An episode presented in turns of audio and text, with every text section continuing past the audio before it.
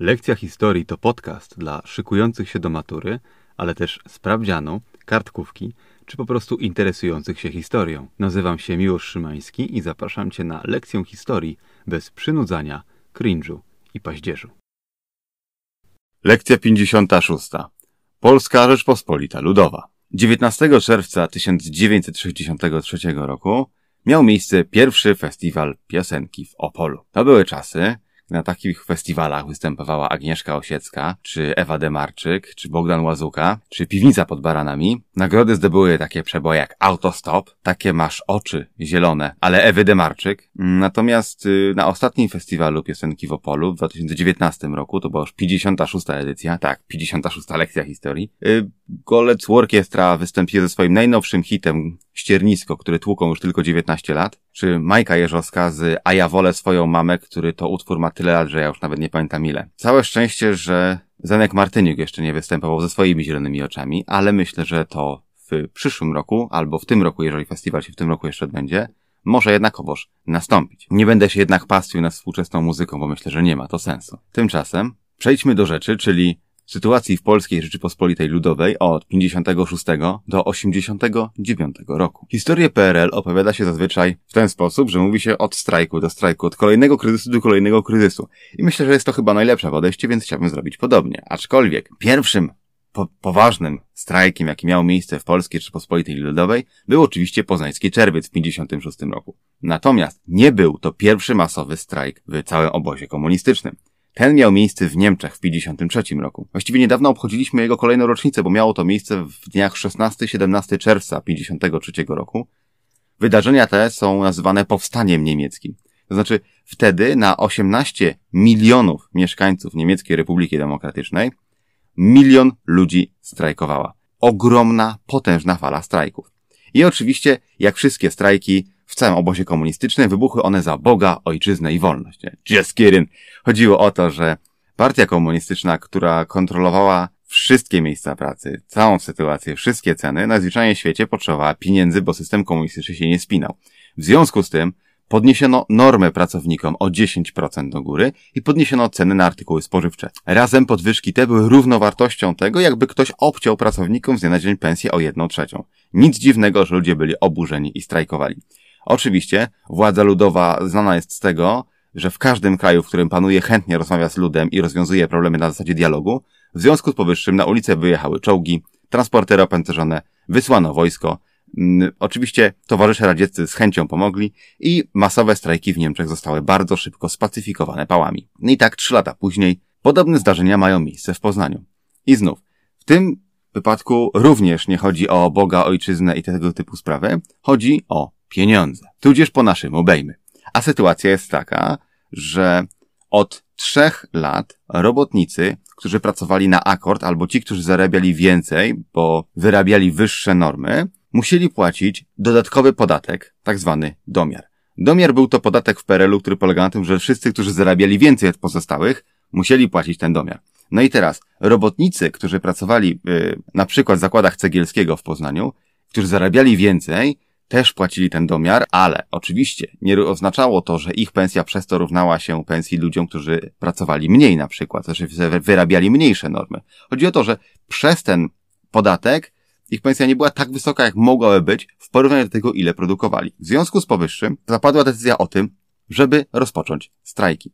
I teraz zwróćmy uwagę, jaka była sytuacja w Polsce wtedy. To nie jest tak, że oni przez te trzy lata byli coraz bardziej wkurzeni i jeszcze bardziej i jeszcze bardziej, aż wreszcie losowego dnia to wybuchło. To jest tak, że w 53 roku umiera Stalin, więc poziom strachu do władzy delikatnie spada. Potem w, w niewyjaśnionych okolicznościach umiera Bolesław Bierut. Więc stalinizm w Polsce zaczyna się powoli rozłazić. Ale minie jeszcze kilka miesięcy, aż y, ludzie poczują się na tyle pewnie, że można przeciwko władzy w jakikolwiek sposób strajkować, że w zakładach cegielskiego zbierze się 17-osobowy komitet przedstawicieli pracowników, którzy będą chcieli podjąć dialog z Ministerstwem Przemysłu. Do tej delegacji dołączyło 10 ludzi, którzy byli przedstawicielami dyrekcji tych zakładów i razem ta delegacja 26 czerwca jedzie do Warszawy. W Warszawie podczas rozmów w ministerstwie ustalają, że faktycznie podatek ten będzie zmniejszony, inne jeszcze postulaty, jakie robotnicy mieli, zostaną uwzględnione i generalnie sytuacja będzie lepiej. Delegacja wraca w nocy z Warszawy i następnego dnia 27 czerwca przyjeżdżają przedstawiciele z ministerstwa. No i wtedy się zaczyna, bo okazuje się, że oni z tych ustaleń, które poczynili ledwie dzień wcześniej, zaczynają się wycofywać. Ludzie, którzy i tak zgodzili się na mniej niż oczekiwali, teraz mają zgodzić się na jeszcze mniej i jeszcze mniej. Jest klasyczna taktyka krojenia salami. W związku z powyższym ludzie się na to nie zgadzają. Na wieść o tym, że przedstawiciele ministerstwa zaczynają się wycofywać rakiem ze wszystkiego, co, na co się umówili ledwie dzień wcześniej, zapada decyzja o tym, żeby następnego dnia, czyli 28 czerwca, rozpocząć protest. Protest polega na tym, że robotnicy o 6 rano zamiast iść do pracy wychodzą na ulicę i idą w kierunku prezydium Miejskiej Rady Narodowej, czyli odpowiednika Urzędu Miasta, które wtedy mieściło się w Zamku Cesarsko-Królewskim. Dziś przy ulicy Święty Marcin, wtedy przy placu Stalina. Zakłady Cegielskiego były największymi zakładami w Poznaniu, więc to, co tam się działo, zaraz wieść rozniosła się po całym mieście i do tych protestujących z Cegielskiego zaczęli dołączać kolejni. I kolejni, i kolejni. Aż wreszcie pod zamkiem staje 100 tysięcy ludzi. A przypomnę, że w Poznaniu mieszkało wtedy pół miliona ludzi, w związku z powyższym nie tylko przyszli robotnicy z różnych zakładów, ale po prostu, ale także ich żony, dzieci, sąsiedzi i znajomi. Hasła, które wznoszą pod prezydium Miejskiej Rady Narodowej początkowo są następujące. Żądamy podwyżki płac. Chcemy żyć jak ludzie. Chcemy chleba. To jest najczęstsze. Precz z normami oraz jesteśmy głodni. Zwróćcie uwagę, nie ma tu ani słowa o polityce, ani słowa o Bogu i o wolności. Przypieprzam się cały czas do tego Boga, ale strasznie mnie irytuje, bo większość tych strajków zaczynała się w kwestii pracowniczych i płacowych, a dziś po latach dorabia się o tego gębę narodowo-wyzwoleńczą, co nie jest do końca prawdą. Oczywiście komuna wtedy nie pasowała większości ludzi, ale większość ludzi zdawała sobie sprawę z tego, że ona musi pozostać, bo nie da się jej obalić, bo Związek Radziecki tak chce. Więc ludzie nie protestowali przeciwko władzy jako takiej, tylko przeciwko sytuacji bytowej. Potem, jak już protesty pod prezydium Miejskiej Rady Narodowej nie przynosiły żadnego skutku, nikt nie wychodził do protestujących, temperamenty zaczęły się rozgrzewać, i pojawiły się wreszcie hasła polityczne. A były to takie, chcemy wolności, chcemy wyborów pod kontrolą ONZ.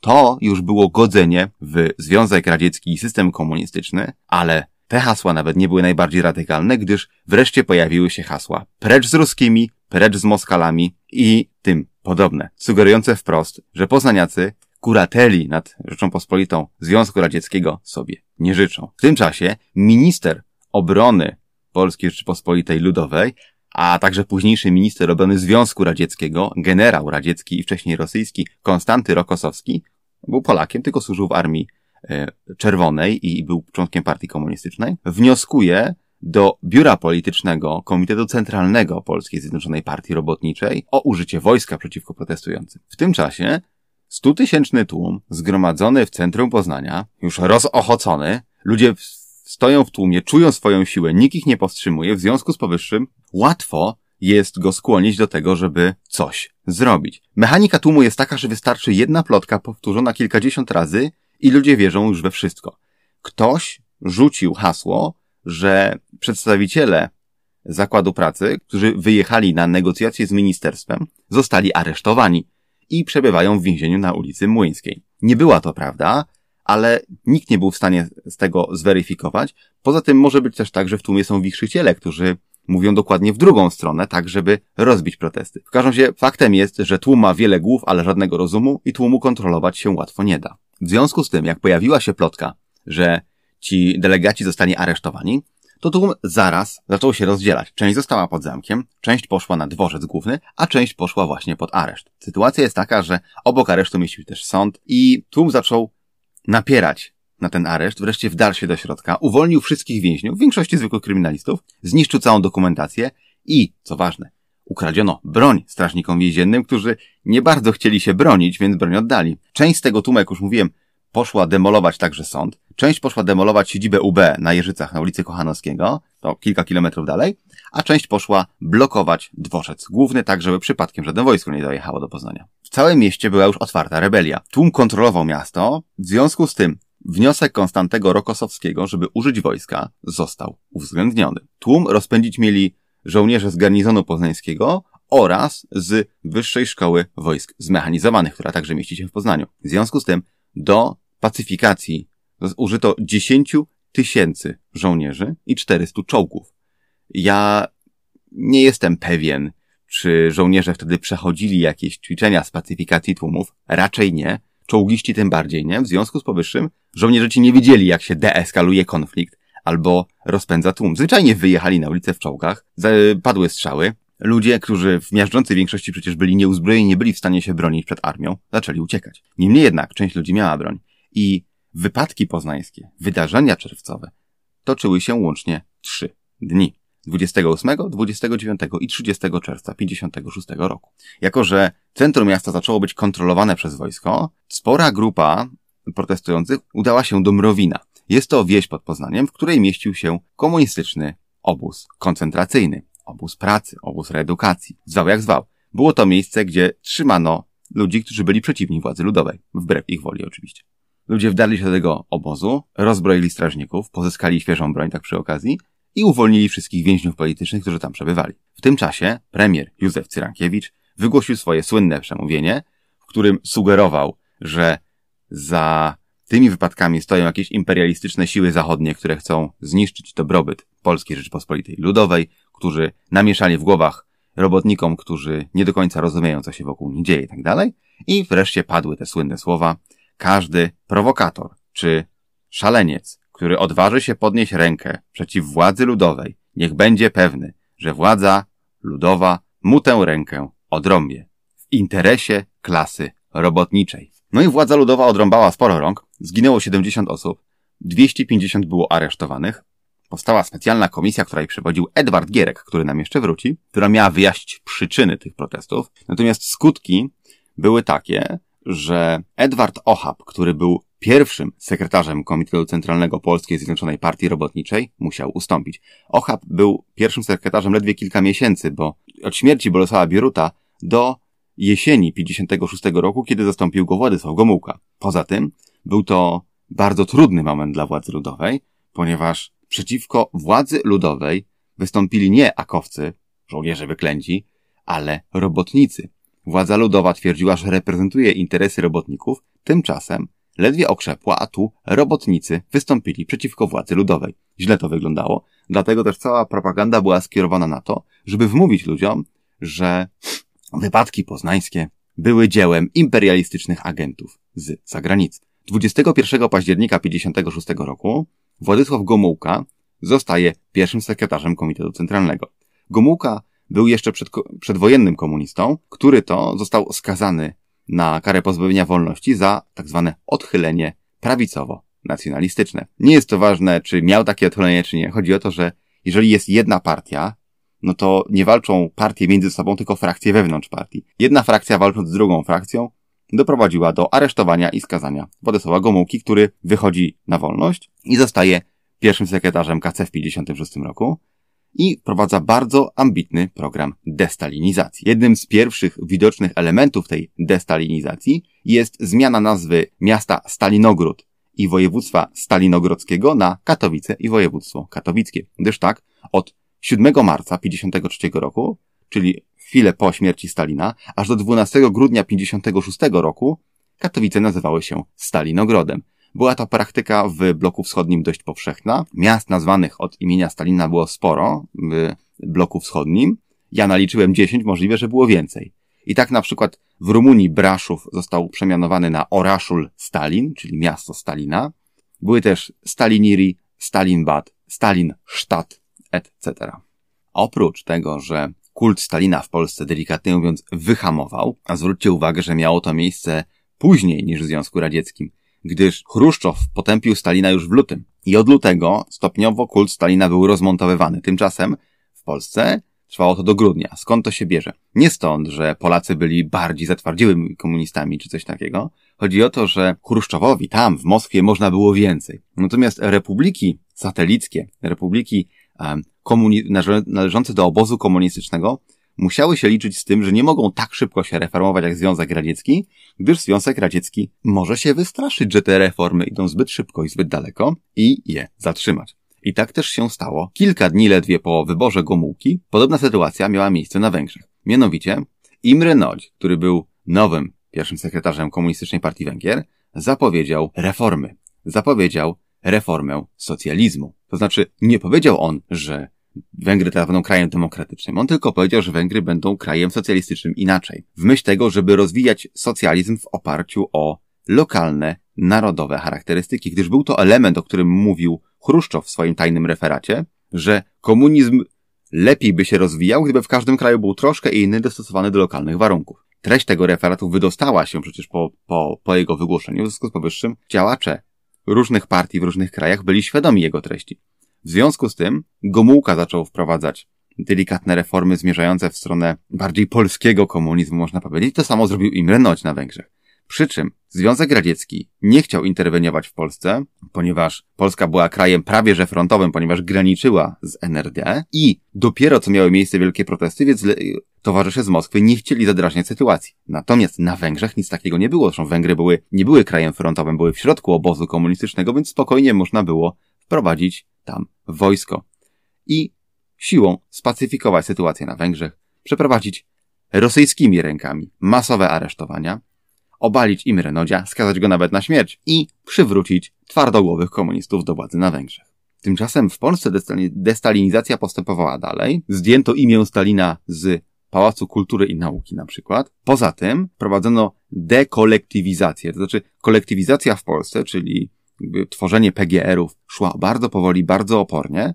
W związku z tym i budziła duży opór na wsi, w związku z tym Gomułka zdecydował się wycofać z tego pomysłu, zachować prywatną własność na wsi, oczywiście nie w stu procentach, ale małe gospodarstwa zostawić, rozparcelować tylko te wielkie, ponieważ czuł, że komuniści w Polsce się nie utrzymają, jeżeli będą chcieli je wprowadzić zbyt dużo i zbyt szybko. A wydarzenia poznańskiego czerwca były jasnym sygnałem na to, że opór w Polsce przeciwko władzy ludowej jest duży. I tak następuje odwilż Gomułkowska, czyli okres, no, ładnych kilku lat, można nawet powiedzieć, że ośmiu, kiedy władza komunistyczna cofała się troszeczkę, pojawiło się odrobina wolności, odrobina przestrzeni, gdzie można było wyrazić swoje poglądy, które niekoniecznie ręka w rękę z komunistami. I tak na przykład było czasopismo po prostu, które wyrażało różne krytyczne opinie wobec władzy ludowej, oczywiście w granicach tego, co było wolno, ale był to jakiś wentyl bezpieczeństwa. Przez osiem pierwszych lat rządów Władysława Gomułki nie było żadnych procesów politycznych i ludzie nie szli do więzienia za sprzeciwianie się władzy ludowej. Znaczy, wiadomo, że jak ktoś by bardzo się sprzeciwiał, to by się znalazł na niego paragraf. Ale chodzi o to, że nie było pokazowych procesów politycznych, takich jak było za Bieruta na przykład, albo potem w stanie wojennym. Mu relatywna wolność, jak na warunki lat, późnych lat 50. i wczesnych lat 60. Idąc dalej ze swoim programem, Gomułka, który wspinał się wtedy na szczyty swojej popularności, bo naprawdę ludzie uważali, że to jest fajny gość, popierali go, bo był to człowiek, który dobra, był komunistą, ale on chciał wyszarpać coś dla Polski od Związku Radzieckiego. I tak 17 grudnia wymógł, można powiedzieć na Chruszczowie, podpisał z nim umowę, na podstawie której wojska radzieckie stacjonowały owszem w Polsce, ale nie dlatego, że tak mi się podoba, tylko dlatego, że rząd polski się na to zgadza. Był to ważny precedens, ponieważ do tej pory przez 12 lat wojska radzieckie stacjonowały na terytorium PRL bez żadnej umowy. Po prostu weszły, bo, tak, bo uważały, że im wolno. Za czasów właśnie Gomułki podpisano tę umowę i wojska radzieckie stacjonowały w Polsce na tej samej zasadzie, jak i dzisiaj stacjonują wojska amerykańskie. To znaczy, bo my tego chcemy, bo się zgadzamy. Oczywiście Gomułka, jak bardzo chciał i się na to zgadza, to jest osobna kwestia, bo wiadomo było, że nie da się wygonić 100 tysięcy żołnierzy radzieckich z Polski, bo to by oznaczało wojnę. Ale przynajmniej coś było na papierze. Następnie w 1957 roku podpisano umowę repatriacyjną, na podstawie której 224 tysiące Polaków wróciło z ZSRR do Polski. Zostało repatriowanych do Polski. Bo to ogromna fala z Kazachstanu, z Syberii. Przyjechali ludzie, którzy byli, głównie ci, którzy byli wysiedleni z wschodniej Polski, po tym jak w 1939 roku Związek Radziecki zaczął te terytoria okupować. Wybuch wolności skończył się dosyć szybko, bo już po roku, bo 2 października 1957 roku Gomułka zamyka czasopismo po prostu, bo pewnie stwierdził, że zbyt dużo krytyki się tam pojawia. Niemniej jednak procesów politycznych nie było.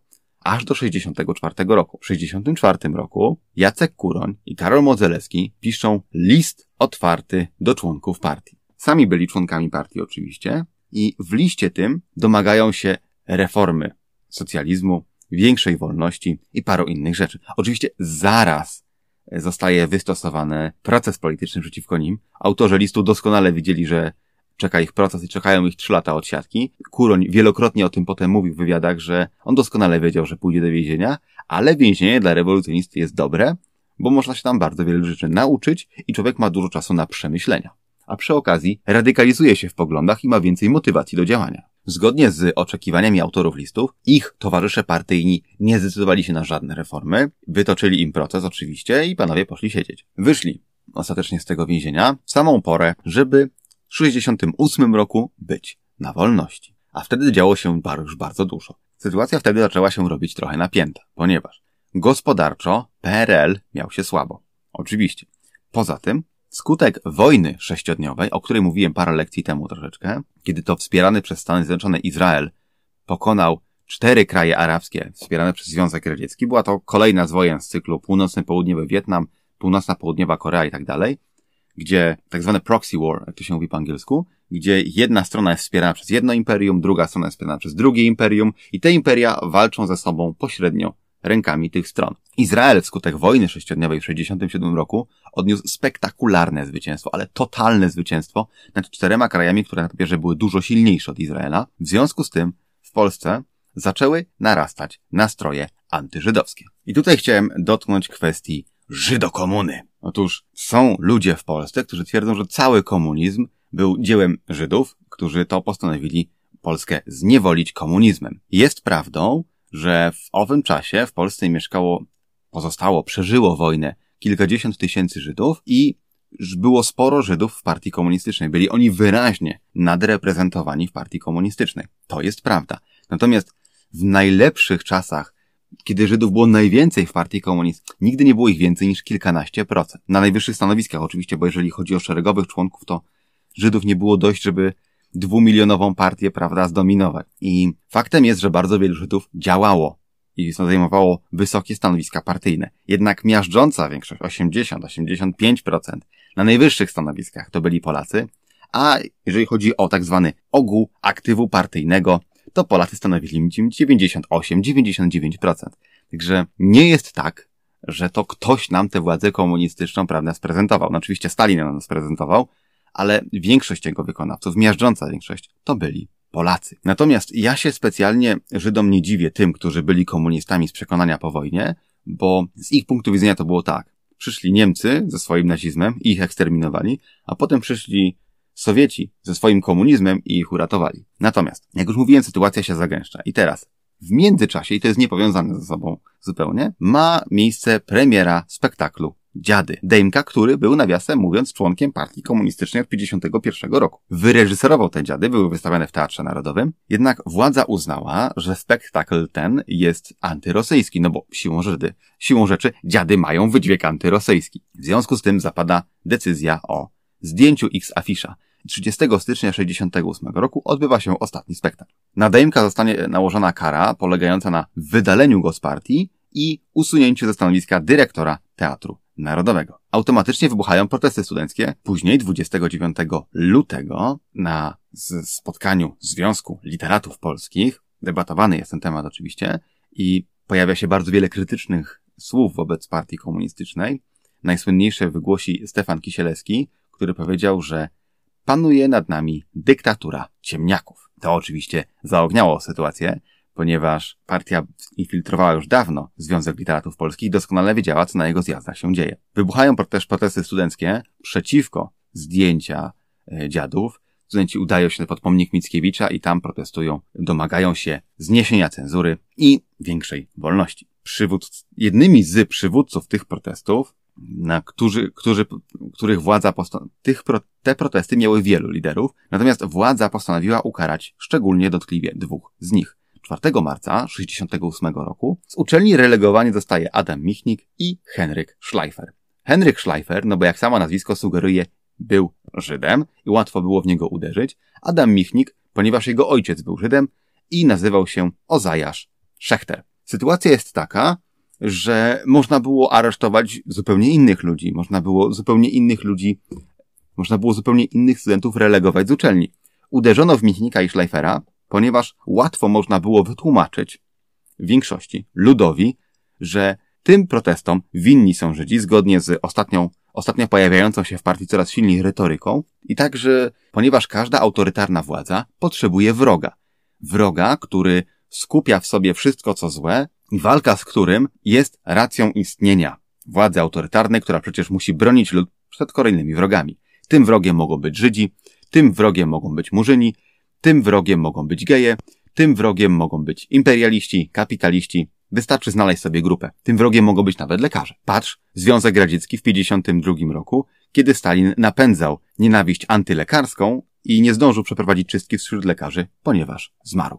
Relegowanie z uczelni, wyrzucenie z pracy i tego typu szykany były typowymi sposobami, w jaki władza ludowa walczyła z opozycją. Jeżeli ktoś został wyrzucony z uczelni za protesty przeciwko władzy, to dostawał tak zwany wilczy bilet i żadnych studiów już w kraju zacząć nie mógł, ani nawet dostać dobrej pracy, ponieważ była już na niego teczka w Urzędzie Bezpieczeństwa i jeżeli aplikował o jakieś ważniejsze stanowisko, no to zaraz był prześwietlany. W obronie relegowanego Michnika i Schleifera 8 marca zbiera się demonstracja na dziedzińcu Uniwersytetu Warszawskiego. Gdybyście chcieli zobaczyć, jak to miejsce wygląda, to wygląda mniej więcej w ten sposób, że budynek główny, aktualnie rektorat Uniwersytetu Warszawskiego jest odsunięty kawałeczek od, ulicy, przed nim jest dosyć duży plac, a ten plac odcięty jest od ulicy potężnym ogrodzeniem z wielką bramą. Dlatego też, jeżeli się zamknie tę bramę, to wszystkich zebranych na dziedzińcu uniwersytetu można spokojnie aresztować. No i też tak właśnie to wyglądało. Potężny tłum studentów zebrał się na dziedzińcu UW, oczywiście była zaraz zorganizowana kontrmanifestacja Związku Młodzieży Socjalistycznej, która skandowała dajcie się nam spokojnie uczyć i tak dalej. Oczywiście to nie przyniosło żadnego skutku, więc na ulicę, na ulicy zaparkowało kilka autokarów z napisem wycieczka.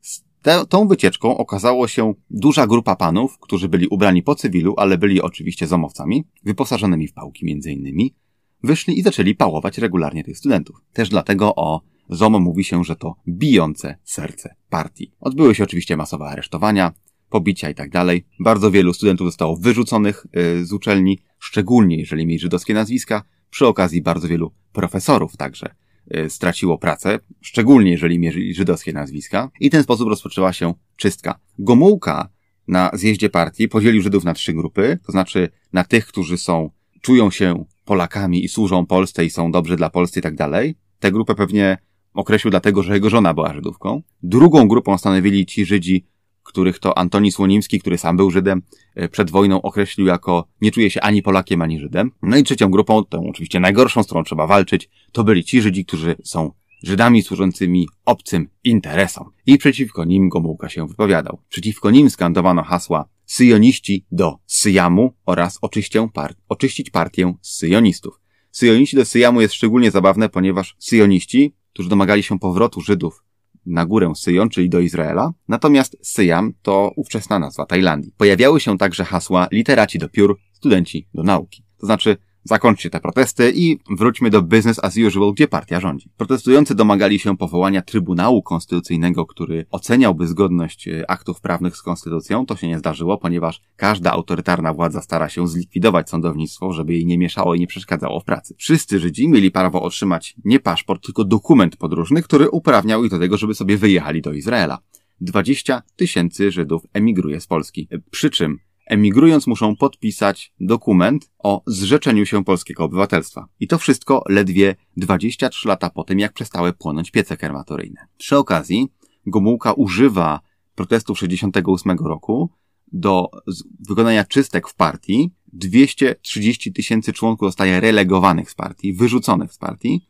Gomułka umacnia swoją władzę ale już tylko na krótko. Przy okazji, z racji tego, że bardzo wielu profesorów, z uwagi na to, że byli Żydami albo wspierali protesty studenckie, zostaje wyrzuconych z uczelni, więc pojawiają się wakaty, bardzo wielu profesorów zostaje awansowanych, znaczy bardzo wielu doktorów zostaje awansowanych na docentów, a docentów na profesorów i w ten sposób pojawia się hasło o docentach marcowych, czyli ludziach, którzy swój awans zawdzięczają tylko i wyłącznie temu, że ludzi, którzy byli przeciwko władzy usunięto, a oni byli wobec władzy wierni albo przynajmniej neutralni. Natomiast studenci wyrzuceni z uczelni w większości trafiają do pracy w kopalniach albo wprost zostają wcieleni do wojska i bardzo wielu z nich krótko później bo już w sierpniu bierze udział w operacji Dunaj, czyli zbrojnym wystąpieniu krajów Układu Warszawskiego przeciwko Czechosłowacji. Była to druga inwazja Układu Warszawskiego, którą Układ Warszawski dokonał sam na siebie. W operacji Dunaj chodziło o to, że znów Aleksander Dubczek który chciał reformy socjalizmu, chciał socjalizmu z ludzką twarzą w Czechosłowacji, okazał się zbyt daleko idącym reformatorem,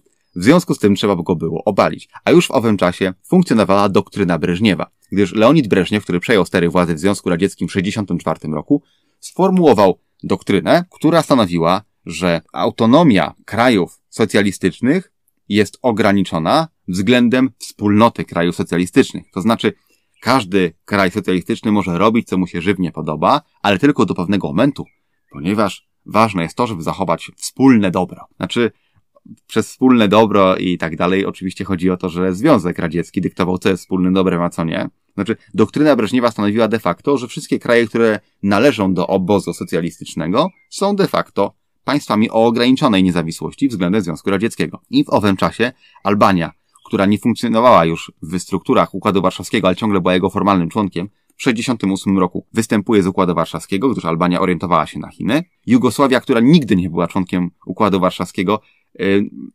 odcina się od Związku Radzieckiego i jakby relacje dyplomatyczne między Jugosławią a Związkiem Radzieckim stają się napięte wręcz. Natomiast Rumunia pod wodzą Nikole Czauczesku ogłosiła, że do doktryny Breżniewa stosować się nie będzie, że Rumunia będzie autonomiczna względem Związku Radzieckiego. Jest to coś, czego mu Rumunii do dzisiaj nie zapomnieli, gdyż był to przykład na, gdyż był to rzadki przykład postawienia się Związkowi Radzieckiemu. Przy okazji władza postanawia o wzmocnieniu ORMO, czyli oddziałów rezerwy milicji obywatelskiej. ORMO to byli cywile, którzy dobrowolnie w zamian za, nawet nie pieniądze, bo nie dostawali pieniędzy, tylko w zamian za przywileje, które ewentualnie mogły się z tym wiązać, dostawali pałkę i mogli jechać pałować studentów. Każda władza autorytarna dąży do tego, żeby mieć jakieś swoje bojówki. Każda partia, która jest, y, która ma monopol na władzę, dąży do tego, żeby mieć własne bojówki. Złożone oczywiście z cywilów, tak że miały charakter masowy i były generalnie tanie, w który skład wchodzą ludzie, którzy tę partię popierają. Gomułka wzmocnił znacznie swoją władzę, natomiast nie był w stanie walczyć z ekonomią, a ta w PRL-u generalnie była w kiepskim stanie. I tak w 70 roku e, średnia pensja wynosiła dokładnie 2235 zł. Czyli można o pensjach i cenach z 70 roku patrzeć jeden do jednego z punktu widzenia dzisiejszych naszych cen. Gdyż 2235 zł to może nie jest dzisiaj średnia w Polsce, ale bardzo wielu ludzi tyle zarabia. Właściwie połowa ludzi tyle zarabia w Polsce albo mniej. I tak, w 70 roku czekolada kosztowała 19 zł. 19 zł. Kilogram masła 34 zł. No, dzisiaj kosztuje podobnie. Kilogram kiełbasy kosztował 125 zł. To znaczy, za średnią pensję można było kupić sobie 17 kg kiełbasy i koniec. Także sytuacja gospodarcza w Peru była ciężka, ceny były wysokie, pensje były niskie. I teraz, w grudniu, tuż przed świętami Bożego Narodzenia, kiedy ludzie kupują więcej, kiedy i tak wydają bardzo dużo na jedzenie, władza postanowiła podwyższyć ceny żywności. Mięso zdrożało o 17%, czy kiełbasa ze 125 na 140 parę złotych. Smalec zdrożał, smalec o 33%, mąka o 16%, mleko o 8%, a dżemy i przetwory owocowe o 37%. Tego było za wiele. Strajki wybuchły najpierw w Gdańsku, ale potem zaczęły się do Stoczni Gdańskiej dołączać kolejne zakłady pracy w kolejnych miastach. Tymczasem partia wyznaczyła towarzysza Kliszkę żeby spacyfikował sytuację w Gdańsku. Towarzysz Kliszka został nagrany, mówiąc takie słowa. Nie gadać, tylko strzelać. Stocznie można zbombardować, zaorać i zbudować nową. Wyglądało to mniej więcej w ten sposób, że do Gdańska zjechało się mnóstwo policji, ZOMO, ORMO, wojska nawet, otoczyło stocznie i ludzie, którzy przyjeżdżali do pracy, wysiadali z pociągu, gdyż najwygodniej było jechać pociągiem wtedy, wysiadali z pociągu i nie było już miejsca na peronie, więc spychali ludzi, którzy już stali w kierunku wyjścia, w kierunku stoczni. A tam stała armia, tam stało ZOMO. W związku z powyższym kolejne fale ludzi wysiadających z pociągów spychały tych, którzy już byli na peronie. Tamci przybliżali się jeszcze bliżej do żołnierzy, do bijącego serca partii. Wreszcie sytuacja zrobiła się nerwowa, padły strzały, zaczęła się po prostu rzeź. Ludzie zaczęli uciekać, rozpoczęło się masowe pałowanie. Jednego z zastrzelonych w ten sposób wzięto na drzwi i obnoszono po całym mieście. A ta słynna scena, jak sześciu mężczyzn niesie drzwi, na których leży facet, powstała słynna piosenka Janek Wiśniewski padł. Symbol protestu 70 e, roku w Gdańsku. Władza była spanikowana.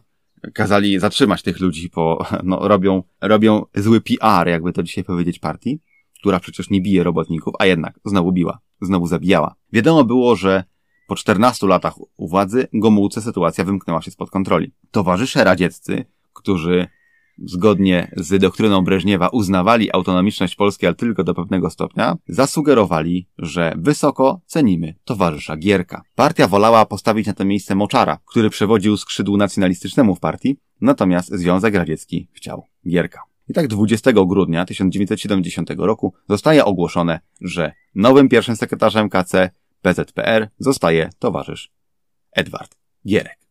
Edward Gierek był człowiekiem wyjątkowym jak na pierwszych sekretarzy w PRL-u, ponieważ wiele lat życia spędził w Belgii i Francji, gdzie nawet pracował w kopalniach, ponieważ jego ojciec wyjechał do Belgii jeszcze w latach dwudziestych, tak wielu Polaków, którzy wyjeżdżali wtedy do Belgii, żeby pracować w belgijskich kopalniach. On znał biegle język francuski, w przeciwieństwie do wielu wysokich funkcjonariuszy, którzy znali tylko i wyłącznie rosyjski, a stał się być człowiekiem praktycznym, niezideologizowanym, takim komunistą w wersji light. Jego wybór ostudził troszeczkę nastroje, gdyż oczywistym było, że partia władzy nie odda, więc raczej chodziło o to, żeby ktoś bardziej przyjazny w stery partii, stery władzy w partii przejął. Gierek ogłasza otwarcie się na Zachód, zgodnie z tym, że sam na tym Zachodzie przecież mieszkał przez wiele lat. Zachód przyjął to otwarcie ciepło, e, zgodził się udzielić Polsce ogromnych kredytów na rozwój polskiej gospodarki. Zachód patrzy na to w ten sposób, że pożyczając wielkie sumy Polsce, może ją wyłuskać z obozu krajów komunistycznych. Na podobnej zasadzie jak udało się przekonać Rumunię pod Czałczesku, żeby współpracowała bliżej z Francją i oddalić ją troszeczkę od Związku Radzieckiego. I Zachód kombinował tak. Jugosławia stoi okrakiem po środku, więc Jugosławia nie jest twardym zwolennikiem Związku Radzieckiego. Albania orientuje się na Chiny, też nie jest twardym sojusznikiem Związku Radzieckiego. Rumunia opiera się Związkowi Radzieckiemu. Jeżeli do tego grona dołączy Polska, to Związkowi Radzieckiemu odpadną wszystkie duże kraje, które zostały w wschodniej Europie, poza wschodnimi Niemcami, których wiadomo, że Związek Radziecki nie odpuści. Jednak zdobycie większego wpływu na to, co się działo w PRL-u, osłabiało Związek Radziecki. Dlatego też Edward Gierek nie miał żadnych problemów z uzyskaniem ogromnych pożyczek. Za te pieniądze postawił słynną Gierkówkę, czyli drogę łączącą Warszawę ze Śląskiem. Powstała Huta Katowice, elektrownia w Bełchatowie, dworzec centralny, niezliczone ilości bloków mieszkalnych, fabryka samochodów małolitrażowych w Tychach i w Bielsku Białej. Skutek tego w 1972 roku zaczęto produkować Malucha, który był oczywiście samochodem zaprojektowanym przez Włochów, e, ale masowo produkowanym dopiero w Polsce. Także każdy Polak, który bardzo, bardzo chciał i długo czekał, bo na malucha trzeba było się zapisać, czekać latami, mógł mieć samochód. Był to pierwszy tak masowo produkowany w Polsce samochód. Poza tym, pojawiła się Coca-Cola na półkach. I sytuacja gospodarcza zaczęła się poprawiać. Znaczy, ludzie zobaczyli, że Zagierka jest trochę lepiej. O Gierku mówi się, że jego największą zasługą jest to, że przyłączył Polskę do Śląska, a nie do Związku Radzieckiego. Propaganda gierkowska stawiała oczywiście na przemysł, tego było najwięcej na Śląsku, ale rozwijała także górnictwo, na przykład w Zagłębiu Lubelskim, tam koło Łęcznej. Poza tym, propaganda mówiła, że mamy dziesiąte największe na świecie wydobycie węgla dziesiąta, Polska jest dziesiątą największą gospodarką na świecie, co nie było prawdą oczywiście. Niemniej jednak wzrost gospodarczy był widoczny. Do czasu. W 1976 roku okazało się, że ta maszyneria się zacina, ponieważ logika za kredytami była taka. Nabrać kredytów, nabudować fabryk, sprzedawać produkty tych fabryk i dzięki temu można spłacić kredyty i jeszcze coś zarobić.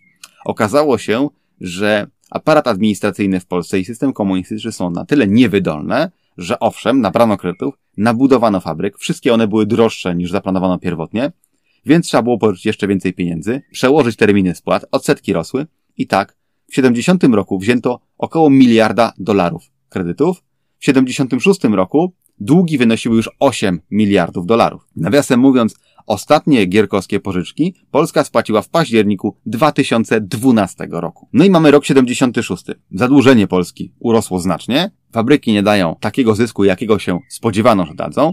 W związku z powyższym władza musi zrobić to, co robiła zawsze w takich momentach, czyli podnieść ceny. Bo mogła podnieść ceny albo obniżyć pensję. Obniżenie pensji było widziane gorzej niż podnoszenie cen. Dla obrony robotników, którzy zostają wyrzuceni z pracy, aresztowani itd., tak powstaje Komitet Obrony Robotników. Komitet Obrony Robo Robotników był organizacją złożoną przez intelektualistów, którzy chcieli pomagać robotnikom i ich rodzinom przeżyć jakoś okres aresztowania czy odsiadki, czy pomóc znaleźć pracę czy zrobić cokolwiek, co akurat potrzebne, żeby ludzie sobie poradzili z trudną sytuacją, w jakiej się znaleźli, przez to, że mieli, że mieli odwagę mówić cokolwiek, co było nie w smak władzy. W Komitecie Obrony Robotników działali ludzie, którzy dziś twierdzą, że się nienawidzą najbardziej na świecie, a wtedy dawali radę być razem, bo był wspólny wróg, czyli władza ludowa. To znaczy, z najbardziej znanych dziś nazwisk mogę wymienić tak. Jacka Kuronia, Antoniego Macierewicza, tak tego Macierewicza, na to wszystko wjeżdża Adam Michnik i Jarosław Kaczyński.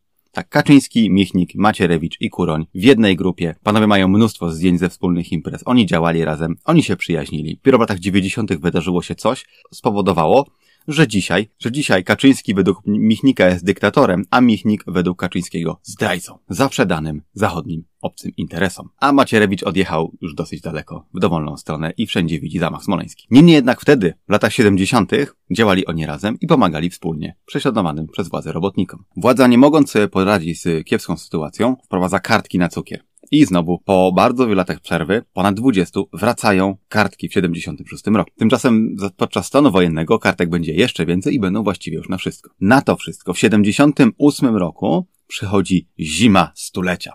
Była to zima, kiedy potrafiło napadać 2 metry śniegu. Temperatury spadły do grubo poniżej 20 stopni i kraj został właściwie sparaliżowany. Były przerwy w dostawach prądu, w ruchu pociągów, no generalnie masakra. W związku z powyższym, gospodarczo sytuacja zrobiła się już bardzo, bardzo zła. I tak w 80 roku wybuchają strajki na wybrzeżu. To znaczy w stoczni imienia Lenina oczywiście w Gdańsku, później także w stoczni szczecińskiej, na czoło tych strajków wybija się Lech Wałęsa. Zaczęło się od tego, że z pracy została zwolniona Anna Walentynowicz, która była aktywną działaczką robotniczą. W stoczni rozpoczął się protest, który miał na celu przywrócenie Anny Walentynowicz do pracy. Władza się oczywiście opierała, w związku z powyższym zawiązano strajk, bo to jest tak, że zaczyna się od jednej osoby, ale to nie chodziło o to, że Annę Walentynowicz znała cała stocznia i teraz wszyscy stanęli za nią murem, bo ją wszyscy znali i lubili. Nie. W stoczni pracowało 18 tysięcy ludzi i nie było szans, żeby ją wszyscy znali. Chodziło o to, że ludzie byli wkurzeni na sytuację, mieli mało pieniędzy, były już kartki na bardzo wiele produktów, sytuacja była zła, pracowali i praktycznie nic z tej pracy nie mieli i tu się nagle dowiadują, że ktoś w ich zakładzie pracy protestuje przeciwko wyrzuceniu kogoś z ich zakładu. Stwierdzili, że to jest dobry moment, żeby jakby na podstawie tego protestu zbudować jeszcze większy protest ogólnie przeciwko złej sytuacji gospodarczej w kraju. Pięknie można to porównać do zabójstwa George'a Floyda, które jest w sumie aktualnym wydarzeniem. Nie chodzi o to, że nagle całe Stany uważają, że George Floyd był fajnym gościem, bo okazuje się, że nie był, miał sporo kryminalnej przyszłości. Natomiast został zabity przez policjanta, jest na taśmie, na to zaczęły wybuchać protesty w Minneapolis, czyli w mieście, w którym on mieszkał, żeby tych policjantów pociągnąć do odpowiedzialności karnej, że tak powiem, władza amerykańska się opierała przeciwko temu, więc protesty zaczęły się rozszerzać na cały kraj. Zazwyczaj potrzeba właśnie takiej małej iskierki, która spowoduje, że nagromadzone już pokłady nienawiści wobec władzy po prostu eksplodują. I tak, strajki napędzają się coraz bardziej i bardziej. Władza nie wie, co ma robić. W pewnym momencie 100 tysięcy ludzi w całym kraju już strajkuje. A w sytuacji, kiedy władza nie wie, co robić, to są tylko dwie możliwości. Albo ustępuje, albo walczy. Gierek był człowiekiem który nie zdecydował się na tak wielkie protesty wysłać milicjantów, żeby pałowali ludzi. Oczywiście w Radomiu w 76 roku nie miał tych problemów, ale skala tamtych protestów była znacznie mniejsza. Gierek był nawet gotów zgodzić się na jeden z postulatów, żeby zorganizować wolne wybory, ale został powstrzymany. Niemniej jednak podpisano porozumienia sierpniowe 31 sierpnia 80 roku, gdyż w owym momencie w 28 z 49 województw trwały strajki. Strajki miały miejsce w 700 zakładach i uczestniczyło w nich 700 tysięcy ludzi. 700 tysięcy ludzi strajkowało. Ludzie masowo zaczęli zapisywać się do Solidarności i w tym momencie, kiedy władza podpisywała z Solidarnością porozumienia, do Związku Zawodowego Solidarność należało 10 milionów ludzi, do partii 2, a Polaków w ogóle było 35 milionów. Na podstawie tych porozumień władza musiała trochę odpuścić, zwiększyć przywileje pracownicze, dopuścić funkcjonowanie wolnych związków zawodowych i było parę jeszcze innych, bo ogólnie było 21 postulatów. Natomiast to, co było wtedy najważniejsze, to to, że ludzie, wszyscy Polacy, komuniści, solidarnościowcy i ci, którzy byli obok, zrozumieli, że władza jest słaba, bo zgadza się na tak daleko idące ustępstwa, że jak się ludzie zorganizowali wszyscy razem do kupy, to są w stanie na władzy coś wymóc. Dało się wyczuć, że następuje rozprężenie, że przychodzi trochę więcej wolności. Znowu, to było jak w Związku Radzieckim, tak i w Polsce leci sinusoidą. Za Bieruta był stalinowski terror, potem za Gomułki było lepiej, potem już w trakcie Gomułki zaczęło się robić gorzej. Gomułka musiał ustąpić, przychodzi Gierek, zaczęło się robić lepiej, czy w 76 roku zaczęło się robić gorzej i w 80 roku znowu zaczęło się robić lepiej. Natomiast sytuacja ta nie potrwa długo, gdyż raptem 16 miesięcy.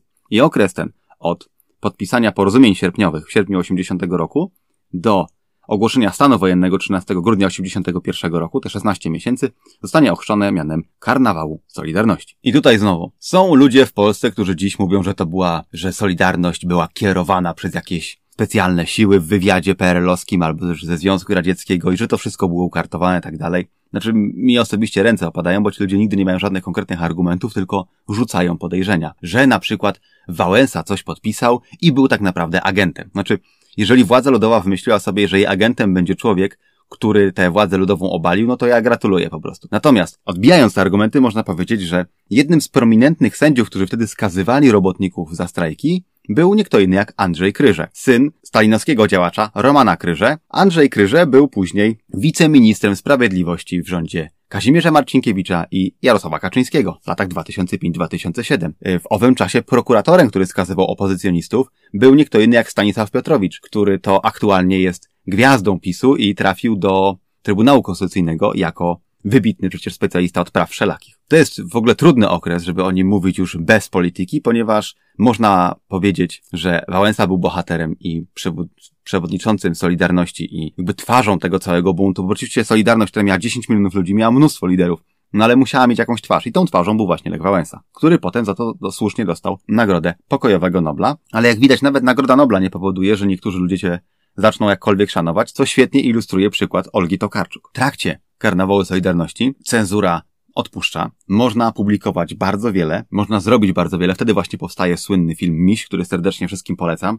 Żeby zrozumieć, na czym polega władza ludowa, obejrzycie sobie Misia, zrozumiecie więcej. Niemniej jednak, wszystko co piękne szybko się kończy, gdyż Edward Gierek 6 września zostaje zrzucony ze stanowiska pierwszego sekretarza. Jak to zwykle bywa, sekretarze zmieniali się, bo były jakieś duże protesty społeczne. Gierek, który był gotów zgodzić się na wybory, został usunięty. Oficjalnie ogłoszono, że miał zawał, więc musi być zdjęty ze stanowiska. Szybko przegłosowano na to stanowisko towarzysza Stanisława Kanie. Stanisław Kania był pierwszym sekretarzem Komitetu Centralnego przez nieco ponad rok, do 18 października 1981 roku. W tym czasie nie zapisał się niczym szczególnym, ponieważ w tym czasie partia była w odwrocie na całej linii. Co ciekawe, Stanisław Kania zmarł 3 marca 2020 roku jako ostatni z pierwszych sekretarzy Komitetu Centralnego Polskiej Zjednoczonej Partii Robotniczej. W tym czasie do głosu coraz bardziej dochodzą w partii środowiska wojskowe. Znajduje to oczywiście swój wyraz o świcie 13 grudnia 1981 roku, kiedy minister obrony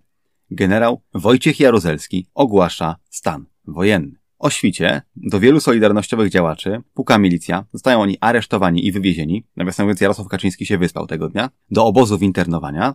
Internowanych zostaje ponad 10 tysięcy działaczy Solidarności. Bardzo wielu ludzi zostaje wyrzuconych z pracy, z uczelni, spałowanych, etc.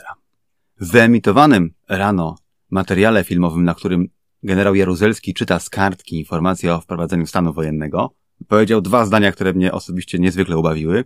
Mianowicie, historia oceni nasze działania. Oceniła niestety Wojciech Jaruzelski dożył swoich dni nieukarany za to, co zrobił. Aczkolwiek procesowanie 80-paroletniego starca było żałosne, trzeba go było skazać w 90 roku. Powiedział także, że wprowadza stan wojenny w zgodzie z postanowieniami Konstytucji.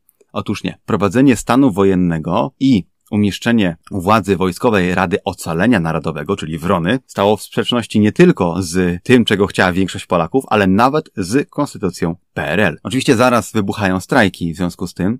Najsłynniejszy z nich ma miejsce w kopalni Wujek, gdzie dziewięciu górników zostaje zastrzelonych. Yy, zostaje zastrzelone w taki sposób, że policjanci nie oddają strzałów ostrzegawczych, nie strzelają w ziemię pod nogi, tylko strzelają na wprost do górników strajkujących. I tutaj Ciekawa historia jest taka, że komendant wojewódzkiej policji w Katowicach napisał telegram do komendanta głównego policji w Warszawie z zapytaniem, czy ma otworzyć ogień do górników. Odpowiedzi otrzymał wiadomość o następującej treści.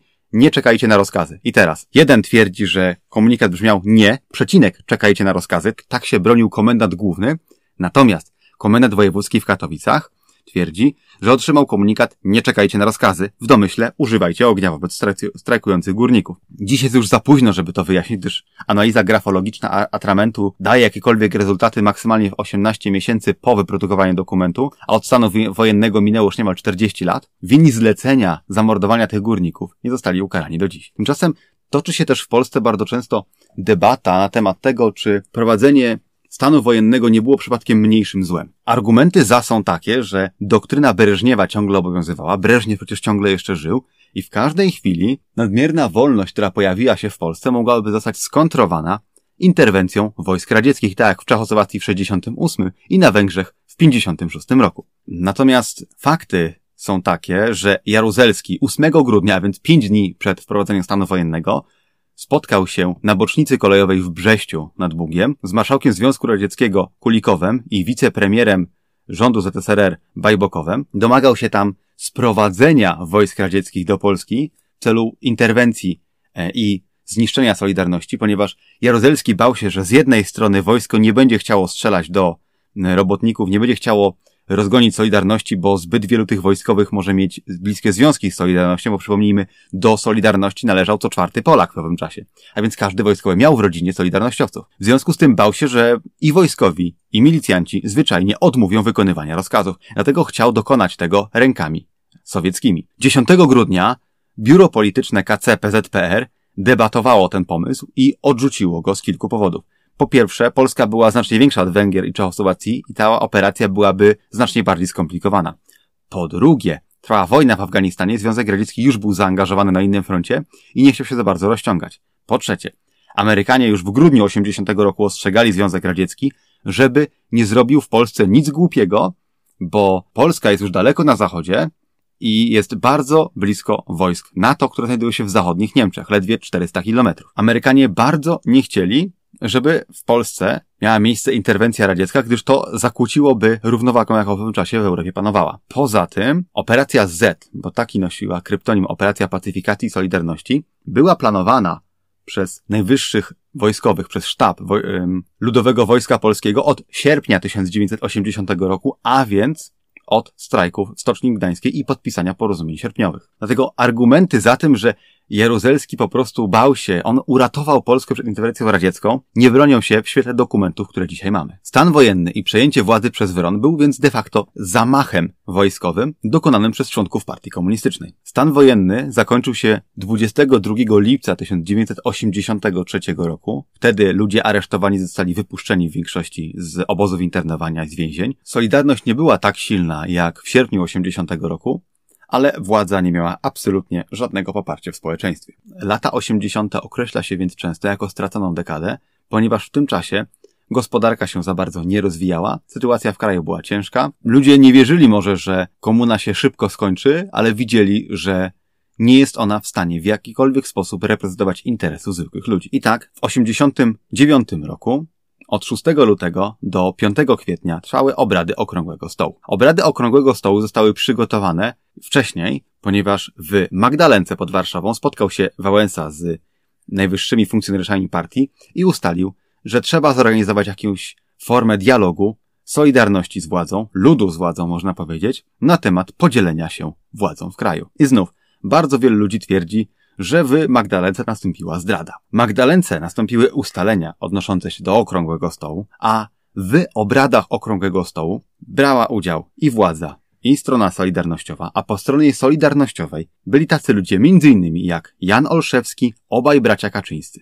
na przykład. Ustalenia Okrągłego Stołu były następujące. 4 czerwca odbędą się częściowo wolne wybory. To znaczy, 35% miejsc w Sejmie będzie objęte wolnymi wyborami, pozostałe miejsca pozostaną przy partii, partia je obsadzi wedle, wedle własnego uznania, natomiast stworzony zostanie Senat, zniesiony referendum z 46 roku, tym słynnym trzy razy tak, i w tym Senacie wszystkie miejsca będą objęte wolnym głosowaniem. Wtedy też w przygotowaniu do wyborów powstała Gazeta Wyborcza, która pierwotnie miała istnieć tylko do wyborów i służyć jako medium, w którym Solidarność będzie mówiła o tym, kogo wystawia, gdzie i tak dalej. Jak się okazało, Gazeta Wyborcza została. Natomiast większość plakatów wyborczych polegała na tym, że konkretny kandydat był na nim z Lechem Wałęsą. Wynik wyborów czerwcowych był dla władzy totalnie piorunujący, miażdżący i całkowicie pozbawiony jakichkolwiek złudzeń co do poparcia partii. Mianowicie, ze 100 miejsc do Senatu przedstawiciele Solidarności, czyli obywatel Obywatelskiego Komitetu Wyborczego, otrzymali 99 ze 100 miejsc. To setne otrzymał słynny pan Stokłosa z Piły, później straszny aferzysta, który także sympatyzował z Solidarnością. Natomiast z 35% miejsc do Sejmu, które były objęte wolnym głosowaniem, wszystkie otrzymali ludzie Solidarności. W efekcie praktycznie wszystko, co można było zdobyć w wolnych wyborach, zdobywa Solidarność. Czesław Kiszczak, generał Czesław Kiszczak, miał tworzyć nowy rząd. Niemniej jednak nie udało mu się to, dlatego też, że 161 Solidarnościowców udało się przekonać część tych liberalnych, powiedzmy, komunistów, tych mniej twardogłowych komunistów do stworzenia wspólnego rządu. I tak powstał rząd Tadeusza Mazowieckiego, którym Solidarność miała przewagę, ale było oczywiście trochę komunistów. Był to taki rząd, powiedzmy, kompromisu i pojednania. Rząd ten rządził raptem kilka miesięcy, ale udało mu się rozmontować najważniejsze elementy komunizmu, to znaczy cenzurę, to znaczy przewodnią rolę partii, to znaczy dać orłowi koronę, wykreślić zapis o wiecznej miłości i przyjaźni ze Związkiem Radzieckim i generalnie, tak jak to ujęła Jolanta Szczepkowska w słynnym nagraniu z 4 czerwca, drodzy Państwo, dziś w Polsce skończył się komunizm. Wszystko, co wydarzyło się później, jest już mniej chwalebne, ponieważ obóz Solidarności podzielił się, co było oczywiście spodziewane. Rozpoczęła się tak zwana wojna na górze, ponieważ Tadeusz Mazowiecki jako premier był oczywistym kandydatem na prezydenta w wyborach w 1990 roku. Lech Wałęsa, który był świetnym rewolucjonistą, ale kiepskim politykiem. Naturalnie Lech Wałęsa jako twarz Solidarności też chciałby startować w wyborach prezydenckich. Nie był to najlepszy pomysł, bo Lech Wałęsa nie jest znany z tego, że jest zdolny do kompromisu. W efekcie obóz Solidarności się podzielił na tych, którzy popierali Wałęsę, na tych, którzy popierali Mazowieckiego. Wojciech Jaruzelski, który był prezydentem do wyborów w 90 roku, bo to była część ustaleń Okrągłego Stołu, łaskawie już nie stawiał większego oporu i pozwolił Solidarności przejąć władzę. W wyborach okazało się, że Mazowiecki był trzeci, drugi był Stanisław Tymiński, człowiek, który przyjechał z Urugwaju i powiedział, że ma teczkę na Wałęsę. I tej teczki nigdy nie pokazał. No więc taktyka ta będzie powtarzana jeszcze później w polskiej polityce, kiedy ktoś rzuca oskarżenia, ale nie daje żadnych dowodów. Wałęsa wygrał te wybory. Najważniejsi przedstawiciele Solidarności pokłócili się śmiertelnie i do dziś serdecznie się nienawidzą. W tym miejscu chciałbym skończyć lekcję o PRL i tym samym skończyć lekcję historii jako audycję. Bardzo dziękuję Wam za słuchanie, nie przez tych ostatnich 70 dni, bo tyle czasu nagrywałem 56 lekcji. Bardzo się cieszę, że byliście ze mną. Dziękuję moim 40 patronom, którzy pojawili się na Patronajcie i serdecznie Was, serdecznie wszystkich zachęcam do dołączenia do grona moich patronów, gdyż y, teraz będę tworzyć audycję za rubieżą, także audycję historyczną, niemniej jednak nie opartą o program szkolny, tylko o to, co mnie osobiście najbardziej interesuje w historii. Za rubieżą, jak sama nazwa wskazuje, będzie skupiała się na historii innych krajów i światowej ogólnie. To był dosyć ciężki okres dla mnie, ponieważ mam, były takie dni, kiedy dzień w dzień siedziałem po 5, po 8 godzin dziennie, robiąc te odcinki, na czym ucierpiało moje życie towarzyskie, zawodowe, no a także y, liczba godzin, które spędzałem śpiąc po prostu. Pomysł na tę audycję zrodził się w mojej głowie 9 kwietnia, kiedy jechałem sobie przez miasto na rowerze i usłyszałem w radio, że matury zostają przeniesione na bliżej nieokreślony termin, no i szkoły pozostają zamknięte w związku z pandemią koronawirusa. I pomyślałem sobie wtedy, że to ja może dam coś od siebie, a od dłuższego czasu chciałem nagrywać podcasty, więc może po prostu nagram powtórkę do matury w formie podcastu. W międzyczasie okazało się, że połowa moich słuchaczy to nie są maturzyści, są ludzie zainteresowani historią. Ja, ja myślałem, że nagram kilka odcinków, to się wszystko skończy i i dam sobie... Ja myślałem, że nagram odcinków, których nikt nie będzie słuchać i dam sobie spokój, a tu się okazało, że lekcja historii wdrapała się na 21 miejsce najpopularniejszych podcastów na Spotify, z czego jestem niesamowicie dumny. No w związku z tym muszę robić za rubieżą, bo już wielu z was pisało, że chce więcej, więc Postaram się wam dać więcej, a ponieważ lekcja historii jest powtórką do matury, no to chciałem ją zakończyć tak mniej więcej jak się kończy materiał maturalny, którego oczywiście nie dało mi się w całości przerobić, ponieważ zostało jeszcze parę rzeczy, których nie omówiłem, na przykład historię Unii Europejskiej, która już nie zdążę zrobić, ale myślę, że większość z tego, co trzeba było przerobić, to przerobiłem. Mam nadzieję, że Wam, drodzy maturzyści, jakkolwiek pomoże słuchanie lekcji historii w zdaniu matury, która już w środę, a więc ja nagrywam to w sobotę, więc za kilka dni. Ja Wam życzę powodzenia. Mam nadzieję, że wszyscy moi słuchacze zaliczą maturę z historii. Liczę na to, że dacie mi jakiś feedback na Facebooku Lekcja Historii albo Instagramie Lekcja Historii a propos tego, jak wam poszło, ile dostaliście procent, bo mnie to strasznie interesuje. Jak już wszyscy się pochwalą, ile procent dostali z matury, to pochwalę się, ile ja dostałem procent z matury z historii, jak ją zaliczałem w 2006 roku. Także życzę wam powodzenia i mam nadzieję, że po tym, jak już zaliczycie maturę, to dalej będziecie słuchać moich audycji, tym razem za rubieżą. Zapraszam oczywiście do lajkowania e, i, i obserwowania za rubieżą na Instagramie i na Facebooku. Także bardzo dziękuję jeszcze raz wszystkim Wam, którzy byliście ze mną przez te ponad dwa miesiące w mojej piwnicznej audycji, aczkolwiek ten odcinek nagrywam już z kampera, z Wawrzyńca i także zapraszam Was jeszcze raz do słuchania za rubieżą już od poniedziałku, 22 czerwca. To tyle na teraz. Cześć.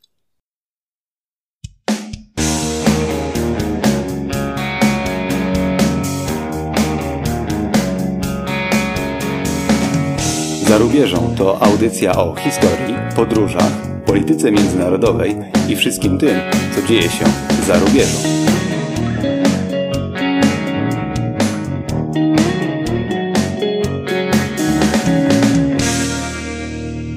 Zapraszam, Miłosz Szymański. Jeśli interesuje Cię historia poza materiałem szkolnym, to sprawdź moją drugą audycję za rubieżą. Jeśli podoba Ci się to, co robię, to możesz rozważyć wsparcie mnie na patronite.pl Milosz Szymański. Tworzę i mieszkam w kamperze. Jeśli interesuje Cię vanlife, to sprawdź kanał Wawrzyńcem na YouTube.